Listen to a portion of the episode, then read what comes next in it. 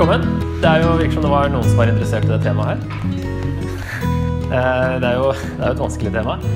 Eh, Det er jo ikke noe ny Altså, det her er jo ikke noe nytt problem, på en måte. Det har alltid vært litt vanskelig å mm, se at det er samme gud i GT og NT. Og det her er jo kanskje det største problemet med de krigene. Og allerede på 100-tallet var det en som het Markion, som eh, ikke ville ha med noe av Gammeltestamentet. For han mente at det var en annen gud enn eh, Gud i Nytestamentet, som var Jesu far. Så Uh, ja, det er en ganske gammel Han var ganske radikal da han liksom bare ble kvitt hele Gammeltestamentet. Men uh, det har jo alltid vært litt vanskelig, dette her. Og det er jo forståelig. Det er jo kanskje noe av det vanskeligste i, i Bibelen, det her. Uh, og det bør jo gjøre oss ukomfortable når vi leser det. Vi har jo liksom fått litt Noen eh, indre sanser da, som bør reagere. Og så er det her det, Jeg tror det også er en såkalt innendørsdebatt. Altså som innad i blant kristne. For det tror jeg er vanskelig Når det er vanskelig for oss å forstå, så tror jeg det er vanskelig å forklare det for en som ikke tror i utgangspunktet. Så jeg vet ikke om man kommer så langt. Men det er jo ofte en, en eh, innvending fra eh, andre som ikke tror. Eh, det her med Gud i Gammeltestamentet, og hvordan kan vi ha noe å si om moral når vi tror på en sånn Gud som oppfører seg sånn? Så, men jeg tror, ja, jeg tror det er vanskelig, for det er ganske stort og komplekst det her, og mange biter som må passe sammen. Og så er det òg viktig å ikke henge seg opp i enkeltvers, som vi ofte gjør.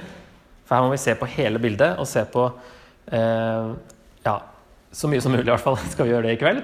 Og se på eh, eh, hvordan ting kan bli forklart av andre deler av historien, eller ja, andre måter å uttrykke seg på. Og så er det òg viktig å huske på at det her ikke er, altså Bibelen i seg selv er jo ikke skrevet til oss, men den er skrevet for oss. Men de tekstene her var jo skrevet til folk for opptil ja, kanskje mer enn 3000 år siden. Det er ganske lenge. Og vi må prøve å lese dem så godt vi kan, sånn som de ville forstått det. Og prøve å hente inn litt sånn eh, hva som var vanlig den gangen, og sånt. Um, for å komme litt for has på det her, da. Så jeg har egentlig bare tre punkter, sånn overordnede. Og så um, Det har i hvert fall hjulpet meg veldig. Og så uh, skal vi uh, utbrodere de litt, da. Men det viktigste, egentlig, å få med seg, som er utgangspunktet, liksom bunnlinja, det er jo at Gud brukte Israel til å dømme. Eh, at det er, det er dom det er snakk om.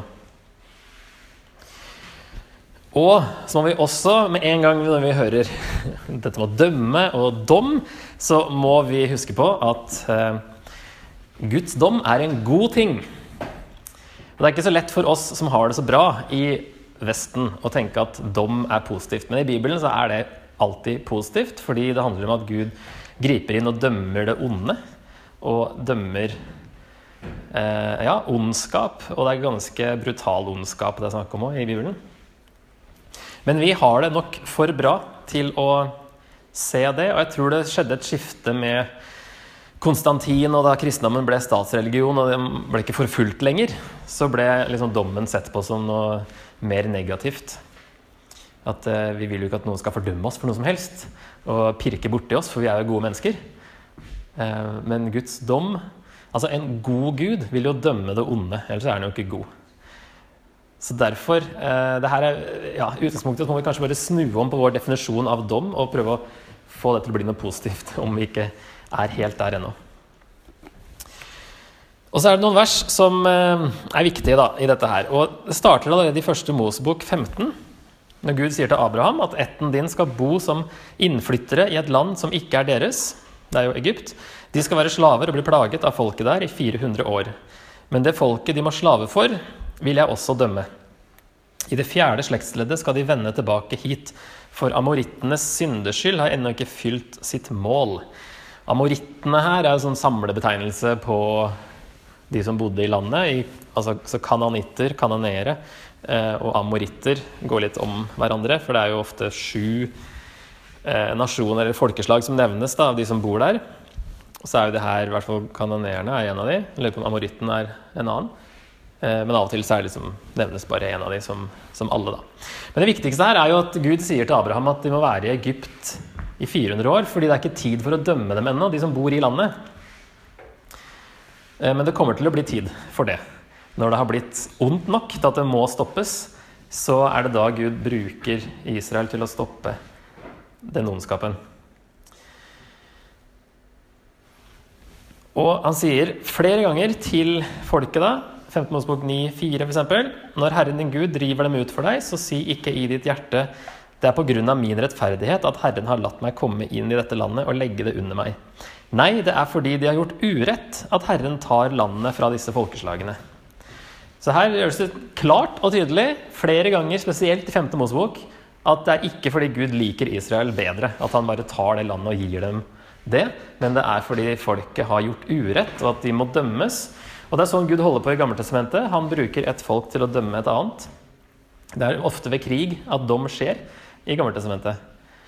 Eh, og senere så bruker han jo babylonerne for eksempel, til å dømme Israel og asyrerne også. Eh, og så bruker, altså Først bruker han faktisk asyrerne til å dømme Nordriket Israel.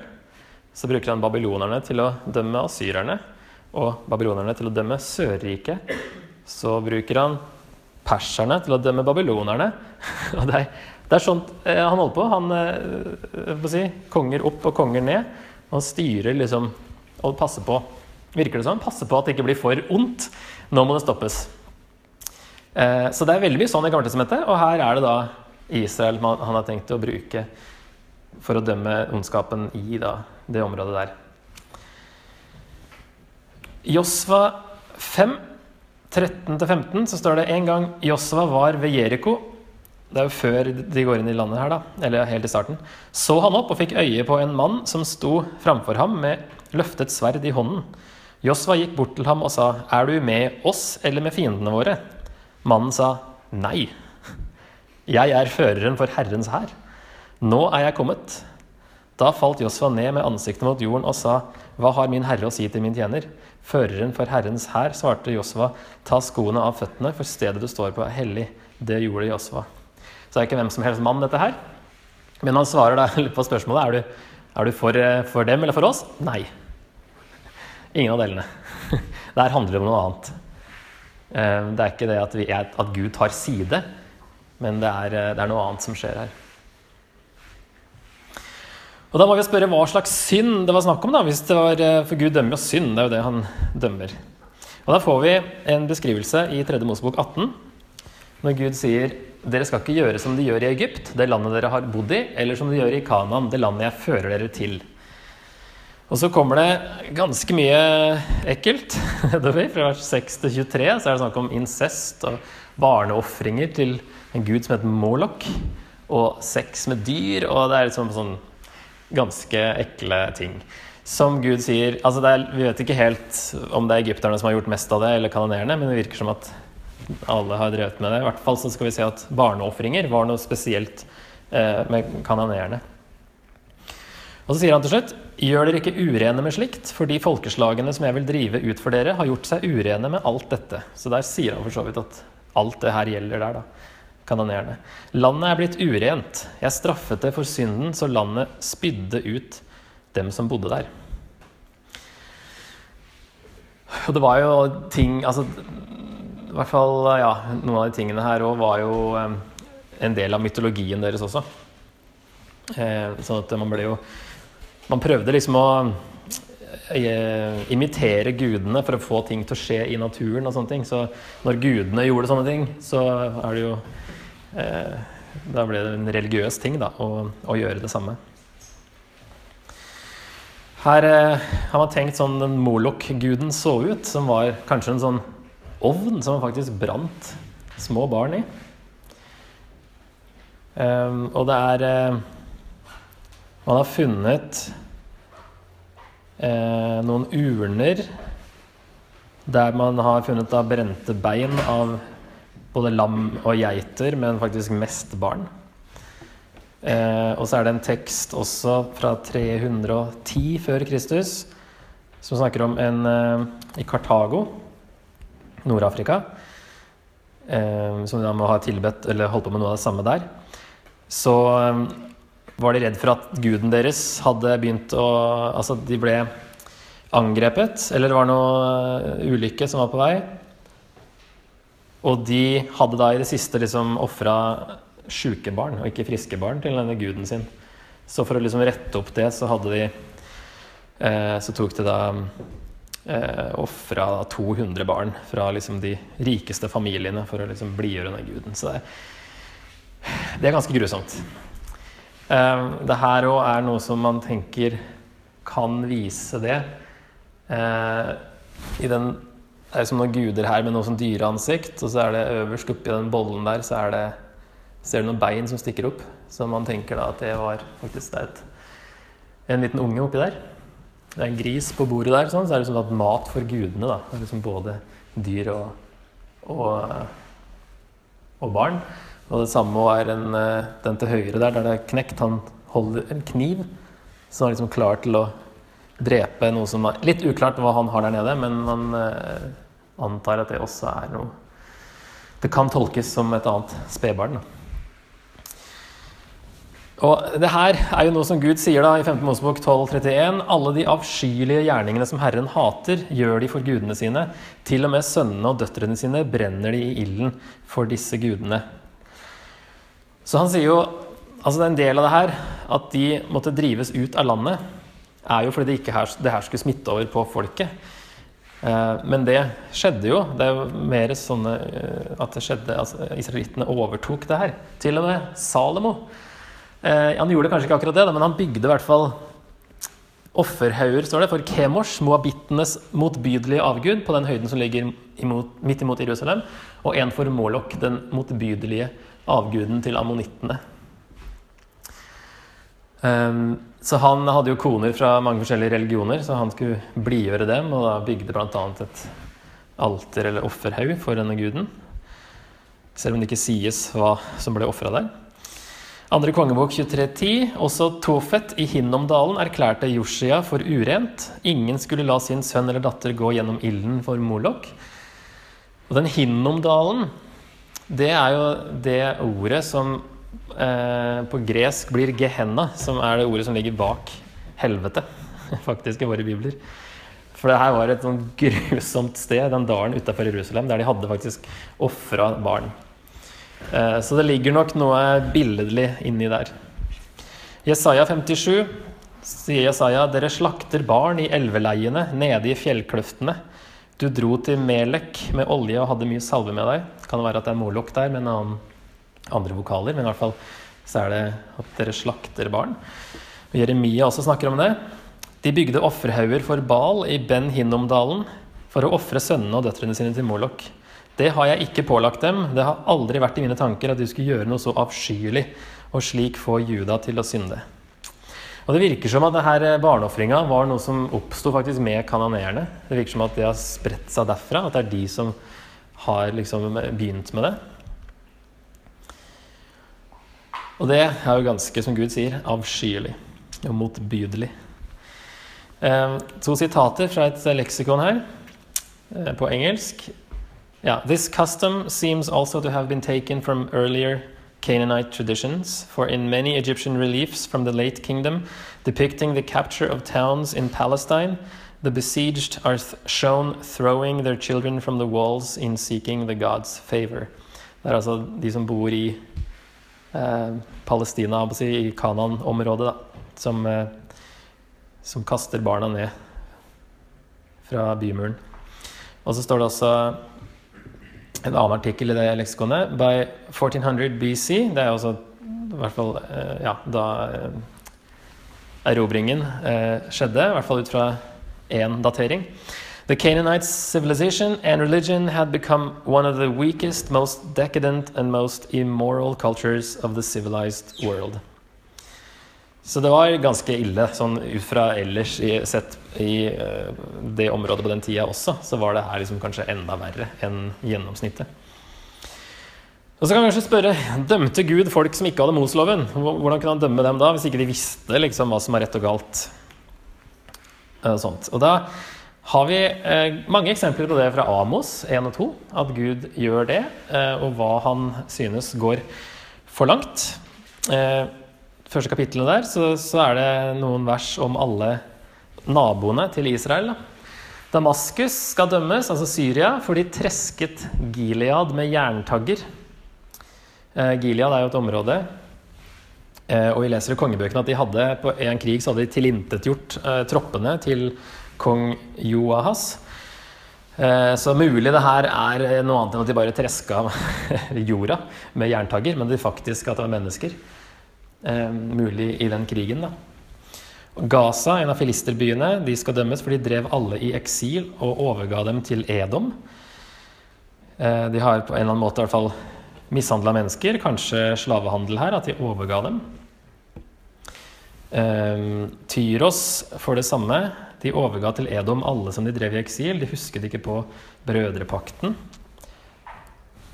Og om Edom så står det for de jaget brødrene sine med sverd. De viste ingen barmhjertighet. De holdt alltid fast på sin harme. Vreden voktet de i det uendelige. Um, det er mulig at det er Israel det er snakk om her, med brødrene. fordi Edom og Israel det var jo etterkommere av Jakob og Esau, så de var alltid sett på som sånn brødrefolk. Og Edom eh, I profeten Obadia så er det den korteste boka i Gammeltestamentet. Én side, der eh, dommen handler om Edom, som da babylonerne kom og angrep Jerusalem i 586 og ødela tempelet, så, så eh, utnytta edomittene det og tjente på det i stedet for å hjelpe. For dere er egentlig brødre, dere burde hjelpe. Da. Så det kan være det samme her, at de har ikke oppført seg som de burde. Og så blir det Ekstra ille om ammonittene, for de skar opp gravide i Gilead og utvidet grensene sine. Det var også en sånn vanlig krigstaktikk, faktisk. Det er helt forferdelig. Det er ikke rart at Gud dømmer det. Og eh, moabittene skal dømmes for de brente Edomkongens knokler til kalk. At de har ganske unødvendig da, og kanskje symboliserte et sterkt hat eller noe sånt. Eh, han fikk ingen ordentlig begravelse og liksom ble mishandla i stedet. Eh, så det, det er litt forskjellige grunner, men Gud dømmer ut fra den moralen som alle mennesker har. Eh, og han har jo lagt det ned i alle, siden vi har skapt i Guds bilde. Så vi trenger ikke Moseloven for å vite hva som er rett og galt. Eh, de fikk jo mye mer kunnskap om hva som var synd og sånt i Moseloven, men alle visste jo, hadde jo et utgangspunkt for moral. Så det er jo det Gud Altså en generell generell moral da, som Gud dømmer ut fra her. Så det er jo det, det samme nok som gjelder med kanonerene. Og han sier jo at eh, i alle disse her Hver gang det åpner om en ny, nytt, uh, ny nasjon, så sier Gud uh, tre ugjerninger av Damaskus, ja, fire. Høres ut som det er liksom Vi tenker liksom konkret tre eller fire, men det er nok sånn uttrykk for at nå har det blitt nok. Ikke bare tre, men faktisk fire. Eh, altså nå, nå, må det dømmes her. Noe av det samme som at det måtte gå 400 år før eh, det var på tide, da. Så kan vi spørre òg, fikk de noen advarsler, disse kanonerene, om at eh, de kom til å bli dømt? Eller kom det liksom bare en lyn fra blå himmel? Et annet spørsmål som vi kanskje òg har lurt på, hvorfor forherdet Gud faraos hjerte slik at det ble ti plager i Egypt? Og hva har det med saken å gjøre? For Gud sier at grunnen til at han gjør det, at, at jeg skal forherde faraos hjerte Han sier farao kommer ikke til å høre på dere, så kan jeg få gjort mange under i Egypt. Så poenget var å gjøre det her, gjøre mange under. Eh, og så sier han nå at eh, for at navnet mitt skal bli forkynt over hele jorden. Det er noen av grunnene som Gud sier i andre Mosebok for at, at eh, det måtte være såpass stort. Ti plager og Spesielt da Sivsjøunderet, som det heter, altså når de gikk gjennom, gjennom sjøen.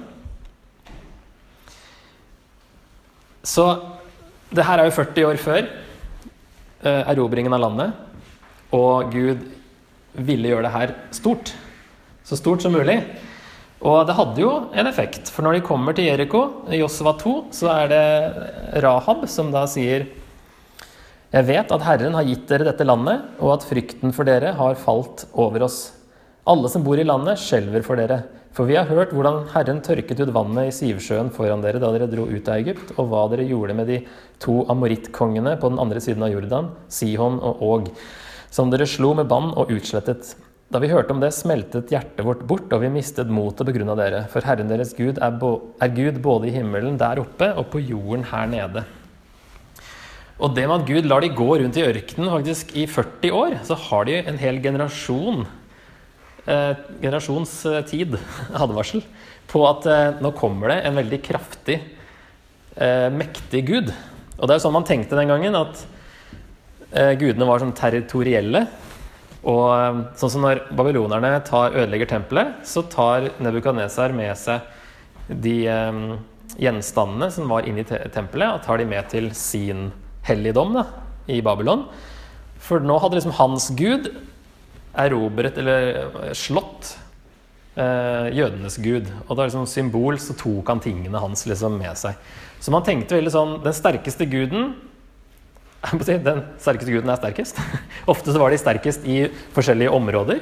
Men nå har det skjedd noe veldig stort i Egypt, og nå kommer det en veldig mektig gud. Og du ser i hvert fall at eh, det Rahab sier, altså har de skjønt at det her, det her kommer ikke til å gå bra for oss. Og da var det egentlig veldig vanlig å tenke at ok, da får vi bare flytte oss, da. For nå kommer det jo en gud som skal overta området her. Eh, da er det bare naturlig at vi med vår svakere gud eh, flytter på oss. Og Josva 5 så står det altså da, ja, da alle amorittkongene på vestsiden av Jordan og alle kanonerkongene ute ved havet hørte at Herren hadde tørket ut vannet i Jordan for israelittene til de hadde kommet over, smeltet hjertet deres bort, og de mistet motet pga. israelittene. Det er jo det samme liksom, gjentagelse av det Sivsjøundet, at Gud tørker opp Jordan så de kan gå over. Så får det liksom sånn del to av at ok, nå er de veldig nærme, og det, han gjør det samme igjen. Um, så sånn de tenkte om guder, så var det liksom De har fått nok info, egentlig, om at den guden her er sterkere enn våre guder. Og de kommer hit. Eh, og de flytta egentlig ganske ofte, altså mer oftere på seg. De var mer mobile enn det vi er, da. Det var mange som var nomader og eh, rørte på seg ofte. Men det tok jo en fem år ca., den her eh, erobringen. Så det er ikke sånn at det, når de først kom over Jordan, så hadde de ikke sjanse til å komme unna. Eh, Gud sier jo eh, i 5. Mosebok eh, noen vers der, at det skal, jeg tror det kommer senere, at det, Gud skal gi dem landet litt etter litt. Så ikke villdyrene kan bli for mange for dere, står det. Hvis liksom alle folkene plutselig var borte, så kom villdyrene til å overta. Så de skulle ta landet litt etter litt. Så det var, de hadde tid da, til å liksom innse at det her var ikke verdt å stå imot.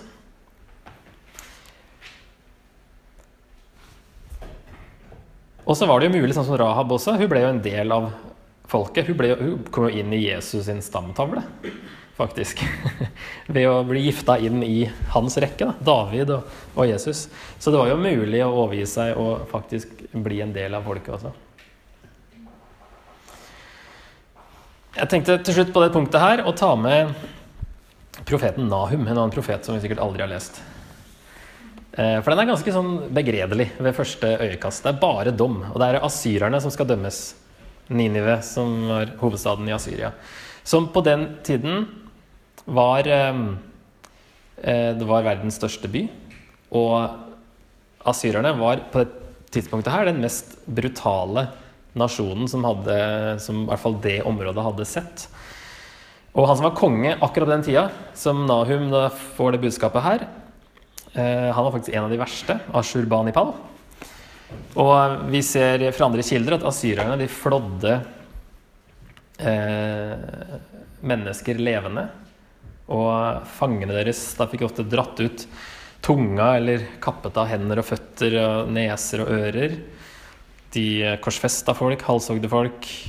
Og faktisk i Nahum så nevner han også at eh, de eh, knuser, eller har knust barn da, eh, i krig. Og da også at gravide kvinner kunne bli skåret opp der òg, i deres krigføring. Um, og når du har det i bakhuet, så blir liksom den Nahum om at Gud skal dømme det mest brutale som fantes, på den tida. Og jeg eh, leste Nahum, eller studerte den litt grann, akkurat tilfeldigvis rett etter at IS hadde gjort et eller annet grusomt. Og ved å putte IS inn i Nahum i stedet for asyrerne, så ble det faktisk veldig oppmuntrende. Um, å se hva Nahum sier om at Gud griper inn og dømmer ondskapen. At han ikke er en sånn tafatt Gud som bare ser gjennom fingrene og uh, ikke bryr seg om det verste vi kan tenke oss. Det står vers 3 i første kapittelet Herren er sen til vrede, hans makt er stor, Herren unnlater ikke å straffe. Han er sen til vrede, men han unnlater ikke å straffe det onde. Og bare noen vers etterpå så står det 'Herren er god'. Et vern på nødens dag. Han tar seg av dem som søker tilflukt hos ham. De to sammen, altså Herren unnlater ikke å straffe fordi han er god. Og i 2.1.: Se, de løper over fjellene, føttene til den som bringer bud og forkynner fred.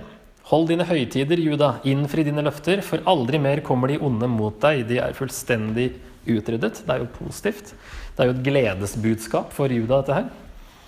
Og i 3.1.: Ved den blodige byen, Ninive altså, full av svik og full av plyndring, aldri mangler den bytte. Man kaller en by den blodige byen, så er det ganske ille, da. Og 3.7.: Alle som ser deg, skal flykte og si Ninive er ødelagt. Hvem synes synd på henne? Hvor finner jeg noen som kan trøste deg? Det her var noe som alle i området ville synes var veldig bra.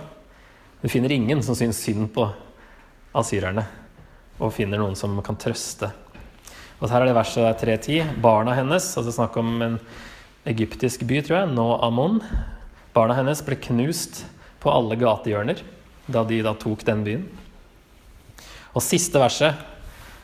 Alle som får høre om deg, klapper i hendene, for hvem har ikke gang på gang blitt rammet av din ondskap? Så det var rart hvordan det budskapet, som vi, liksom, vi liker ikke å lese om sånn dom og sånn Gud skal dømme, men i lys av hvem det er som dømmes her, og alt det brutale de hadde gjort, så er det her et godt budskap. Eh, folk vil klappe i hendene fordi alle har blitt herja av asyrerne. Og Nahum, navnet, betyr faktisk også trøst. Det her er trøst til folk, at asyrerne skal dømmes. Og ingen ville si at det her var en urettferdig dom.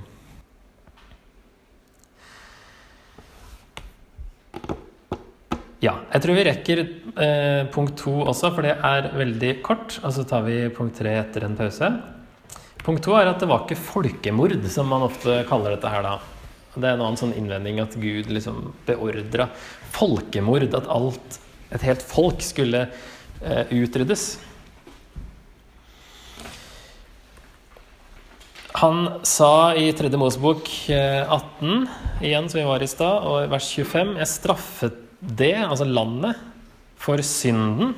For det første sier han at han straffa landet, men eh, enda viktigere er at det var jo for synden. Eh, det var det som var poenget. Og 15. Mosebok 20. Du skal utrydde dem, ellers kunne de lære dere å ta etter alt det avskyelige som de har gjort for sine guder, slik at dere synder mot Herren deres Gud. Så det er jo, for, det er jo synden som er problemet her. Det er ikke etnisiteten. Derfor er det ikke folkemord. Når det er eh, synden, og spesielt deres religion, som skal dømmes her, da så det ikke skal føre til frafall eh, hos Israel.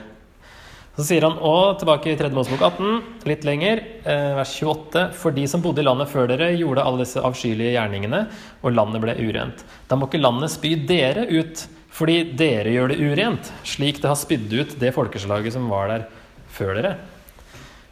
Her sier han at han vil jo behandle Israel på samme måte, hvis de ikke er noe bedre. Så tydeligvis er ikke det her snakk om etnisitet og at det går på hvilket folk man tilhørte. Hvis ikke de oppførte seg bedre, så kom det samme til å skje med dem. Kommer til å bli kasta ut av landet, de også. Og så står det også, når de gikk ut fra Egypt i 2. Mosebok 12, mange slags mennesker fulgte med dem, står det. Eh, noe som tyder på at det var ikke bare hebreere som kom. Det var mange slags mennesker. Alle undertrykte som kanskje ville ut av Egypt, slo seg med og ble med Så i utgangspunktet så var det jo ikke en, bare ett folk som Gud liksom da kan kalles en rasist, hvis han liksom eh, ville utrydde alle de andre, men liksom Israel, det var noe særlig. Det var bra. For her, det var en, en blanda gruppe i utgangspunktet, virker det som. da. Og så er jo hele poenget med, med hele Bibelen, hele Gammeltestamentet, er jo det løftet til Abraham at Guds frelse skal omfatte alle folkeslag. At alle, i deg skal alle folkeslag bli velsignet, sier Gud til Abraham. Og det er jo Jesus som da skal gå ut i hele verden. Eh, så han kan jo ikke plutselig snu om på det, og så gjelder det ikke folkeslagene lenger. og så Det er helt i ja, de han har i, i, tankene. Så han kan jo ikke kalle Gud for noe, noe rasist. Så egentlig, det handlet om å ødelegge kanoneisk religion, slik at Israel skulle være et hellig folk, så Messias kunne komme fra dem med frelse til alle folk. Det er da en kort del, eller punkt to, at uh, det er synden. Det er jo derfor Gud dømmer, for han dømmer synd. Og derfor kan det ikke da kalles folkemord. Men nå til punkt tre, som handler om uh, språk, uttrykk og sjanger. og det eh, syns jeg hjelper uh, veldig på dette her. Og da har vi to underpunkter her. Da. Det ene er såkalte krigsoverdrivelser. Um, og da har vi et eksempel fra første Samuels bok. Det er jo lenge etterpå. Men um, Gud sier der at jeg krever amalekittene til regnskap for det de gjorde mot israelittene da de dro opp fra Egypt. De sperret veien for dem. Neste vers skal vi si at det var litt verre enn det. Dra nå ut og slå amalekittene, slå alt som tilhører dem med bann, spar ingen. Drep menn og kvinner, småbarn og spedbarn, okser og sauer, kameler og esler. Og I femte Mosebok så sies det litt mer da hva amalekittene gjorde. Husk hva amalekittene gjorde mot deg underveis da de, dere dro ut av Egypt. De overrasket deg på veien da du var utsultet og utmattet. Uten frykt for Gud hogg de ned baktroppen, alle som var blitt liggende etter. Litt verre det enn å bare sperre veien for dem. Men eh, også bodde de egentlig ganske langt unna, virker det som. At de kom ganske langt sør for å liksom sette en stopper bare noen dager etter de hadde kommet ut fra Egypt. Eh, så det var liksom de virkelig la innsats i det her at de skulle eh, kverke disse som kom. Eh, for det var ikke sånn at de kom gjennom deres område eller noen ting. Altså, det som skjer, er jo det er Saul som får eh, det budskapet her da, fra, fra Samuel. Eh, og så står det noen vers lenger ned. Hele folket slo han med bann og hogg dem ned med sverd. Men Saul og hans menn sparte Agag og det beste av småfe og storfe, gjøfe og lammene. Så her er jo alle drept, bortsett fra kongen, Agag, og så noen dyr. Og så kommer Samuel og sier Har du gjort det du skulle? liksom, Ja, ja. Det har jeg. Hva er det for noe breking jeg hører? liksom, for er det noe dyr her? Hvis du, du skulle drepe alt. Um, slå dem med bann. Det er jo noe som går igjen, da. Som egentlig handler om å overgi noe til en gud. Det er ikke bare israelittene som drev med det. Men det er å ta det vekk fra normal bruk og overgis Enten så var det ikke gjenstander å legges i tempelet, så det ikke kunne brukes til vanlige ting. Eh, at bare liksom overgitt til Gud. Eller så var det sånn her i tilfellene her, da, så, jeg, så kobles det veldig sammen med, med, dreping. Men så kommer Samuel og dreper kongen.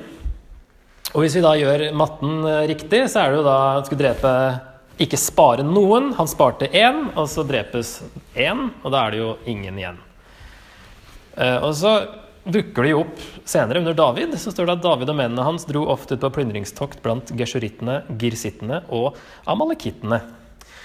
Og de er fortsatt der eh, tre kapitler etterpå, som vi kommer til tror jeg senere. Så, så um, er de der igjen, og de angriper uh, landsbyen der David bor. Og de nevnes òg i første krønikebok fire. Og det virker det som at de faktisk var fortsatt Eh, en gjeng på, si, på 700-tallet, som er jo 300 år etter dette. Så når det snakkes her om at alle døde, så når vi leser hele historien, så gjorde de jo tydeligvis ikke det. Så hele bildet som gis, er at eh, det virker som det er noe sånn litt overdrevent språk i sånne krigsbeskrivelser. Og det var veldig vanlig faktisk på den tida. Og vi ser litt sånn i Bibelen også. Et annet eksempel fra 5. Mosebok 2016 så sier da Gud Moses eh, i de byene som Herre din Gud vil gi deg til eiendom, skal du ikke la en eneste skapning få leve. Og så står det i Josva 11, 14. Alt bytte fra disse byene, bl.a. en by som heter Dor, og all budskapen tok israelittene selv. Men menneskene hogg de ned med sverd til alle var utryddet. De lot ikke én være igjen i live.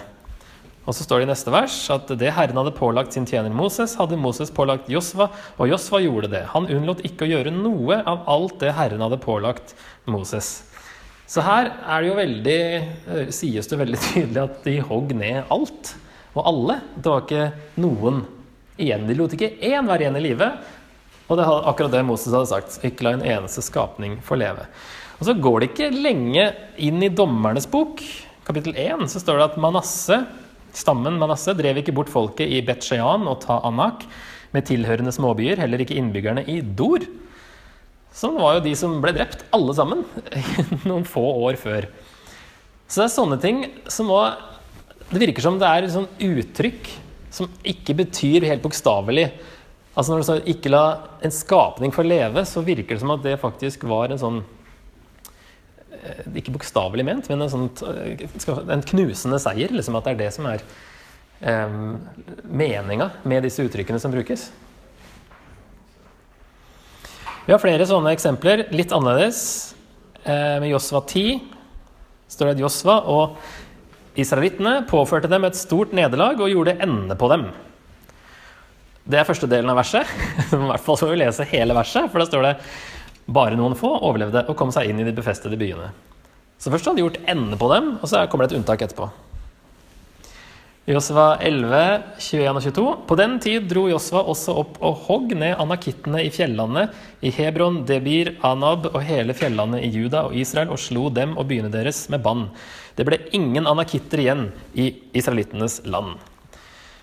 Bare i Gaza, Gat og Ashtod ble det noen tilbake. Så det er liksom det liker sånn stort språk, og så er det av og til det kommer et sånn unntak, da. I Josva, det neste verset står det Så tok Josva hele landet, slik Herren hadde sagt til Moses. Og Josva lot israelittene få det til eiendom, hver stamme sin del. Og så fikk landet hvile fra krigen. Det er en oppsummering av første halvdel bare av Josvas bok. da. Så tok Josva hele landet. Og så kommer vi liksom inn i eh, kapittel 13 så begynner liksom historien litt på nytt. Da står det Josva var nå gammel og langt opp i årene. Herren sa til ham, du er nå gammel og langt opp i årene, men ennå er det mye land som det gjenstår å innta. Og så har han akkurat sagt at Josva tok hele landet. Så det må være at eh, Josva fikk et generelt overtak, for alle kongene han tok, listes opp i kapittel 12, tror jeg. 11 eller 12. Det er kanskje 11, ja, før det verset her. Nei, samme det. Dere finner det hvis dere vil. Men alle kongene listes opp. Eh, sånn han tok hele landet. Fikk et generelt overtak ved å ta kongene, men så overlater han til stammene da, å drive ut eh, de som faktisk bor i området. Men det høres jo ut, hvis du stopper etter vers, eller kapittel 11 eh, der, så har jo Josva tatt hele landet. Det er jo en overdrivelse. Han har jo ikke gjort det. Det hadde ikke vært noe del to av Josva. Josvas bok, ja. Og så er det Amalekitten igjen. I første Samuels bok 30 står det fra grålysningen av og av, nei, fra grålysningen av, ikke av og til, men fra grålysningen av og til det ble kveld. Dagen etter hogg David dem ned. Ingen av dem slapp unna. Så nær som 400 unge menn som kastet seg på kamelene og flyktet. Det var ganske mange unntak der, da. Ingen slapp unna, bortsett fra 400 stykk. Hvor mange var de egentlig? Jeg er ikke sikker det var så veldig, sånn veldig stor gjeng. Men. Så sånne ting må man være litt sånn oppmerksom på, at de liker litt sånn stort språk. Eh, og det har vi jo utenfor Bibelen. Farao Tutmoses den tredje i det 15. århundre før Kristus. Han eh, skriver der bl.a. at eh, Mitannis store hær ble beseiret innen en time, totalt tilintetgjort, som de som ikke eksisterer. Men Mitannis her levde videre omtrent et århundre til. Men det var vanlig å overdrive i sånn eh, skryte av seg sjøl etter man hadde vunnet en krig, spesielt kongen farao. En annen farao litt senere, Mernepta, 1210 før Kristus. Eh, det er første gang Israel nevnes i eh, andre kilder utenfor Bibelen. Det er fordi han skal skryte, at han har slått dem. Israel er ødelagt. Hans ett finnes ikke mer. Og nå er vi jo i dommertiden, 1200-tallet, og det er jo ganske mye Israels ett etter det. Så det er også en stor um, overdrivelse. Kong Mesha av Moab han nevnes i kongebøkene, bl.a. Han skrev da på, i 18, nei, 840 eller 830 før Kristus Israel har gått fullstendig til grunne for alltid. Og hvis det er Nordriket Israel han mener, så ble jo ikke de tatt av asyrerne før i 722, så det er i hvert fall 100 år igjen. Så han sier at de har gått til grunne for alltid. Så når de bibelske forfatterne legger seg liksom på den sjangeren her, så er ikke det for å lure noen. Fordi det var jo sånn man skrev, og de som leste det, var vant til det. Så det er ikke noe eh, hensikt å, å, lure noen med at det her gikk bedre enn det egentlig gjorde. Men det var sånn man eh, ordla seg da, når man skulle rapportere sånne militære seire.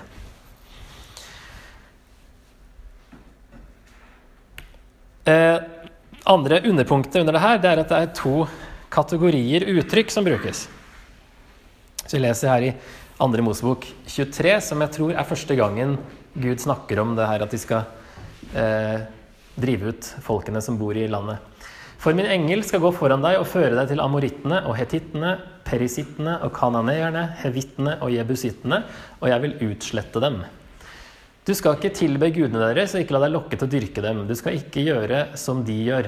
Men steinstøttene deres skal du rive ned til grunnen og slå i stykker. Dere skal tjene Herren deres Gud. Da vil han velsigne brødet ditt og vannet ditt. Sykdom vil jeg holde borte fra deg. Ingen kvinne i landet ditt skal miste barn eller være ufruktbar. Jeg skal fylle dine dagers mål. Jeg vil sende redsel for meg foran deg og skape forvirring blant alle de folkene du kommer til. Jeg skal få alle fiendene dine til å snu ryggen til deg og flykte. Jeg vil sende bisvermer foran deg. De skal jage hevittene, kanoneerne og hetittene bort for deg. Jeg vil ikke drive dem ut før det er gått ett år, for at landet ikke skal bli liggende øde og villdyrene bli for mange for deg. Litt etter litt vil jeg drive dem bort for deg, til du blir så tallrik at du kan ta landet i eie. Jeg skal la landegrensene dine nå fra Sivsjøen til Filisterhavet, fra ørkenen til Eufrat. For jeg vil gi dem som bor i landet, i din hånd, og du skal drive dem bort foran deg. Du skal ikke slutte noen pakt med dem og med gudene deres. De må ikke bli boende i landet ditt, så de får deg til å synde mot meg. For dyrker du gudene deres, blir det til en snare for deg. Er det noen som ser en liten motsetning i hva som sies? Det første og det siste. ja? Hva tenker du på da? At øh, Og jeg vil utslette dem. Mm -hmm. Og så står det de må ikke bli boende i landet ditt. Ja, og egentlig fra eh, jeg vil utslette dem i vers 23, og så er det fra vers 27 og utover så er det snakk om at de skal flykte. Jeg skal få alle fiendene dine til å snu ryggen til deg og flykte. Bisvermer skal jage dem bort for deg. Jeg vil ikke drive dem ut før det er gått et år. Litt etter litt vil jeg drive dem bort for deg. Du skal drive dem bort foran deg. De må ikke bli boende i landet ditt. Og det her virker jo som at For oss er det to forskjellige ting. da, Å utslette dem. Vi hadde ikke trengt å si alt det andre her hvis det var liksom bare snakk om å utslette dem. Men det er my mye mer snakk om at de skal drives ut. Og det er eh, Disse drive ut-uttrykkene brukes faktisk tre ganger så mye som utslette-uttrykkene. Så det virker som at hovedpoenget er at de skal ut av landet. Um, og utslette her kan det bety at de skal utslettes fra landet, ikke fra jordens overflate. Um, eller at det reflekterer um, at eh, eh, nasjonen, eller folkegruppa, skulle utsettes, men at individene ble jagd ut. Sånn at de mista identiteten sin. Men det er i hvert fall viktig å få med seg det, at Gud og Bibelen snakker mye mer om at de skulle drives bort. I 5. Mosebok 7 så står det Herren din Gud skal også sende en bisverm. Det er for så vidt litt vanskelig eh, uttrykk, det der. Det er, ikke, det er, ikke, alltid det står bisverm, tror jeg. At det kan bety noe sånn terror eller frykt også. Men eh, her står det i hvert fall bisverm da, foran dem. Helt til alle som er igjen eller eh, har gjemt seg for deg, er gått til grunne. La deg ikke skremme av dem, for Herren din Gud er hos deg. En Gud som er stor og vekker frykt. Herren din Gud vil drive disse folkeslagene ut for deg, litt etter litt. Du kan ikke gjøre ende på dem med en gang, for da kunne villdyrene bli for mange for deg. Herren din Gud skal overgi folkene til deg og slå dem med stor forvirring til de er utryddet. Han skal gi kongene deres i dine hender, og du skal utslette navnet deres under himmelen. Ingen skal kunne stå seg mot deg til du har utryddet dem. Gudebildene deres skal dere brenne opp. Du må ikke fristes til å ta sølvet og gullet på dem og ha det for dere selv. Da blir du fanget i en felle, for det er avskyelig for Herren din Gud. La ikke dette avskyelige komme inn i ditt hus, så du blir bannlyst slik som det.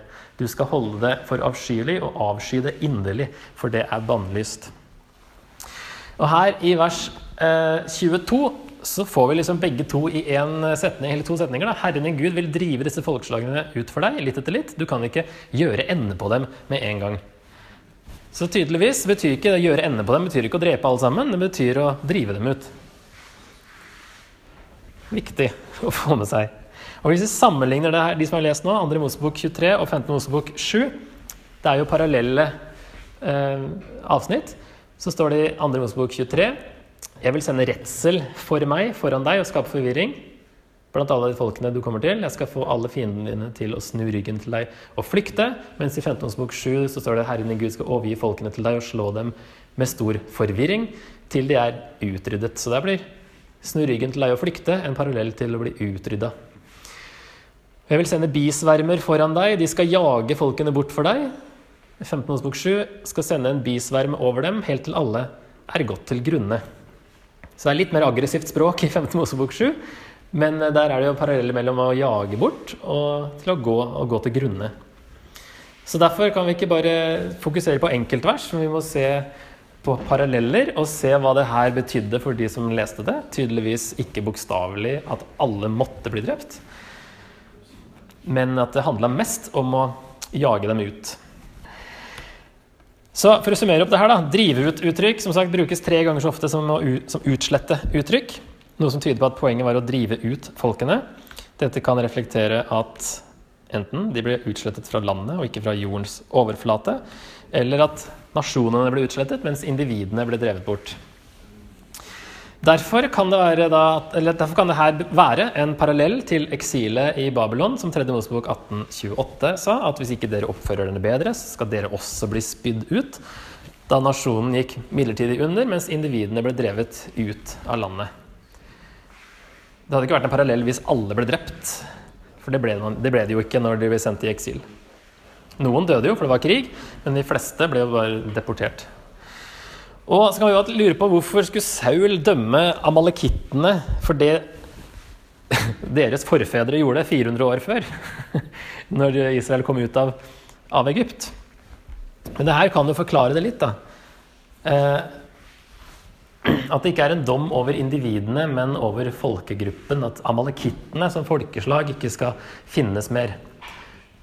Eh, derfor kan det da dømmes lenge etterpå. at Det dømmer jo ikke noen andre for det noen 400 år før dem gjorde. Men at det handler om eh, nasjonen kanskje mer enn individene. Så en oppsummering da til slutt. Mosebøkene snakker mest om å drive folkegruppene ut av landet, selv om dette skjedde i form av kriger der folk døde. Det også syns jeg er et veldig viktig poeng. Og så er ikke det eneste gangen sånt skjedde heller. Eh, eh, ikke engang fra Guds eh, side. I 15. Mosebok 2 så forteller Moses om Jeg husker ikke hvilket land det er, men dette, også dette regnes som Refait-land. Refaitter bodde der før i tiden. Ammonittene kaller dem samsumitter. De var et stort og tallrikt folk og høyvokste som anakittene. Men Herren utryddet dem for ammonittene, faktisk. De fæle ammonittene fikk landet til disse eh, refaitene.